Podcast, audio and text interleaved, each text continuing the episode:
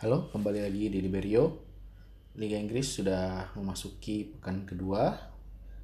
Uh, banyak hasil-hasil yang menarik ya. Salah satunya tentu yang paling menarik kemenangan Norwich atas Newcastle United 3-1. Oke, seperti pekan sebelumnya, mari kita bahas 5 penampil terburuk dan 5 penampil terbaik untuk pekan kedua Liga Premier. Oke, yang kita bahas penampil tampil terbaik dulu ya. Yang pertama tentu pemain yang mencetak hat trick Timo Pukki. Uh, striker asal uh, Finlandia ini tampil luar biasa ya pekan kemarin mencetak hat trick atas Newcastle United. Nilainya bahkan dari who score tuh 10. Uh, dia juga menjadi man of the match. Sekarang dia bersama Raheem Sterling memuncaki daftar top skor sementara Liga Premier Inggris. Oke, yang berikutnya ada Dani Ceballos De melakukan debut di pada matchday 2 Liga Inggris. Dani Ceballos tampil luar biasa. Mencetak dua assist untuk gol Pierre Emerick Aubameyang dan Alexander Lacazette uh, terpilih sebagai man of the match juga uh, hus, uh, rating berdasarkan score-nya 8,2 Arsenal patut berterima kasih ya terhadap uh, pada Real Madrid mau, mau meminjamkan Ceballos benar-benar penampilan yang luar biasa dari Ceballos kan kemarin. Oke, yang berikutnya Sadio Mane. Mane kembali membawa Liverpool memenangi pertandingan liganya dengan dia mencetak satu gol satu assist. Nilainya dari di score itu 8,6 menurut saya Mane adalah Mane lebih berperan dalam uh, terhadap Liverpool daripada Salah dua musim ini. Jadi menurut saya Mane cukup underrated. Oke berikutnya ada Kevin De Bruyne dialah yang mencetak dua assist ketika Manchester City ditahan imbang oleh Tottenham Hotspur. Uh, asisnya terhadap Raheem Sterling dan um, Sergio Aguero itu cukup baik ya uh, umpan tarik dan satu crossing dari sisi kiri pertahanan Spurs nilainya berdasarkan who scored itu 8,6 man of the match di pertandingan itu. Jadi saya rasa Kevin De Bruyne akan akan lebih baik lagi si sisa pertandingan di sisa musim 2019-2020 mungkin City nggak usah pusing ketika nanti David Silva pensiun uh, simpan ya. Ya. Oke yang berikutnya. Agak mengejutkan ini video assistant reality atau biasa disingkat VAR. Kenapa dipilih VAR? Yang pasti VAR itu berperan penting sekali terhadap hasil Manchester City melawan Tottenham Hotspur. Mungkin kalau nggak ada VAR, Manchester City menang. Bukannya nggak mau Manchester City menang, tapi jika dilihat dengan VAR, memang terjadi sempat handball saat sepak pojok sehingga gol dari Gabriel Jesus dianulir wasit. Uh, sebenarnya menurut pribadi saya VAR itu membantu dalam situasi ini VAR pun tidak salah. Kenapa? Menurut saya yang harus direvisi itu aturan handsball bukan VAR-nya Nah, harus ada yang menekankan kalau handsball tidak disengaja itu tidak bukanlah pelanggaran seperti itu. Jadi VAR menurut saya cukup ber, berguna pada ini kemarin. Oke, sudah lima penampil yang dianggap terbaik untuk pekan kemarin. Ada Timo Puki, Dani Ceballos, Sadio Mane, Kevin De Bruyne, dan VAR.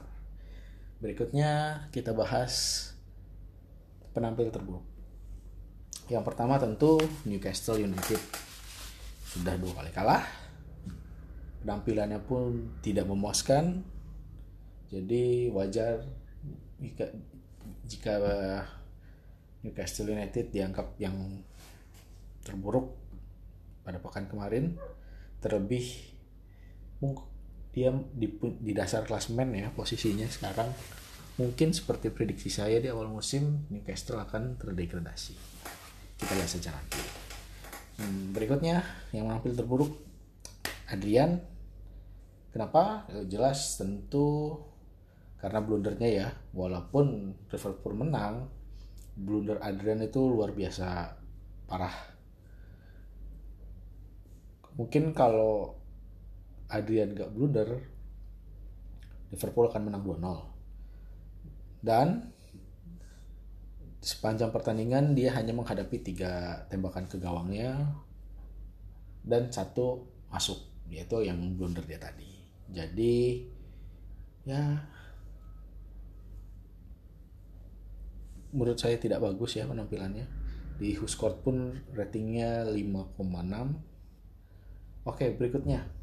Tom Hinton kiper yang baru didatangkan Aston Villa ini waktu melawan Spurs sebenarnya pertandingan cukup bagus ya tapi di pertandingan kemarin kurang begitu bagus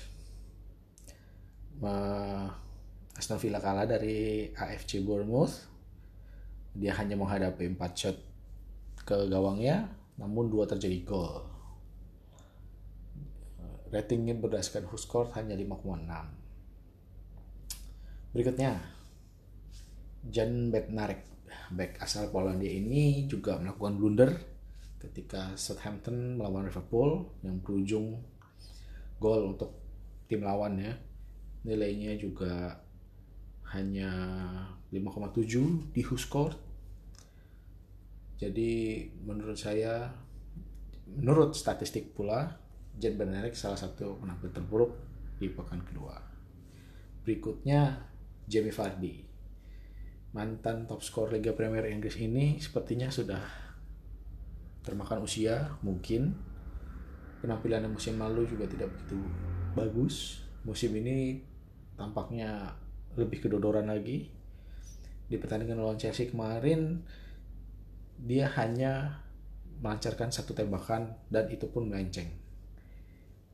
Hmm, akurasi umpannya hanya 77%, 6 kali kehilangan bola, nilainya berdasarkan score hanya 5,8. Oke, jadi itulah 5 penampil terburuk pada pekan Liga Inggris pekan kedua kemarin. Newcastle United, Adrian, Tom Hinton, Jan Bednarek, Jimmy Vardy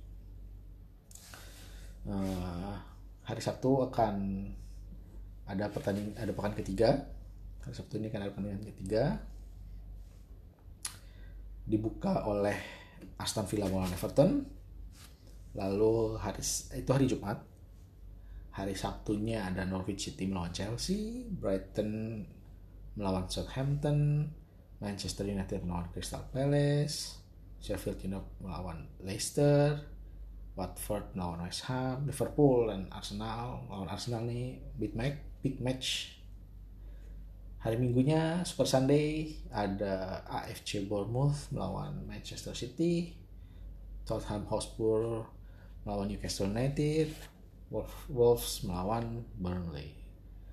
Uh, mari kita sepertinya pertandingannya seru ya uh, kita saksikan aja nanti akhir pekan nanti siapa yang akan menang kita lihat bagaimana uh, Newcastle United apakah berhasil menahan atau bahkan menang melawan Tottenham Hotspur.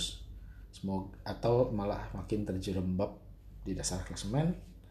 Uh, Liverpool lawan Arsenal. Pembuktian untuk keduanya Liverpool masih ini uh, masih unggul dalam beberapa musim terakhir. Tapi Arsenal juga sekarang sudah berbenah ya dengan pemain-pemain yang bagus. Saya rasa itu pertandingan yang sangat layak dinantikan. Oke, sampai di sini The Berio. Kami eh, saya akan kembali pekan depan untuk kembali membahas 5 penampil terburuk dan 5 penampil terbaik di pekan ketiga Liga Inggris. Terima kasih.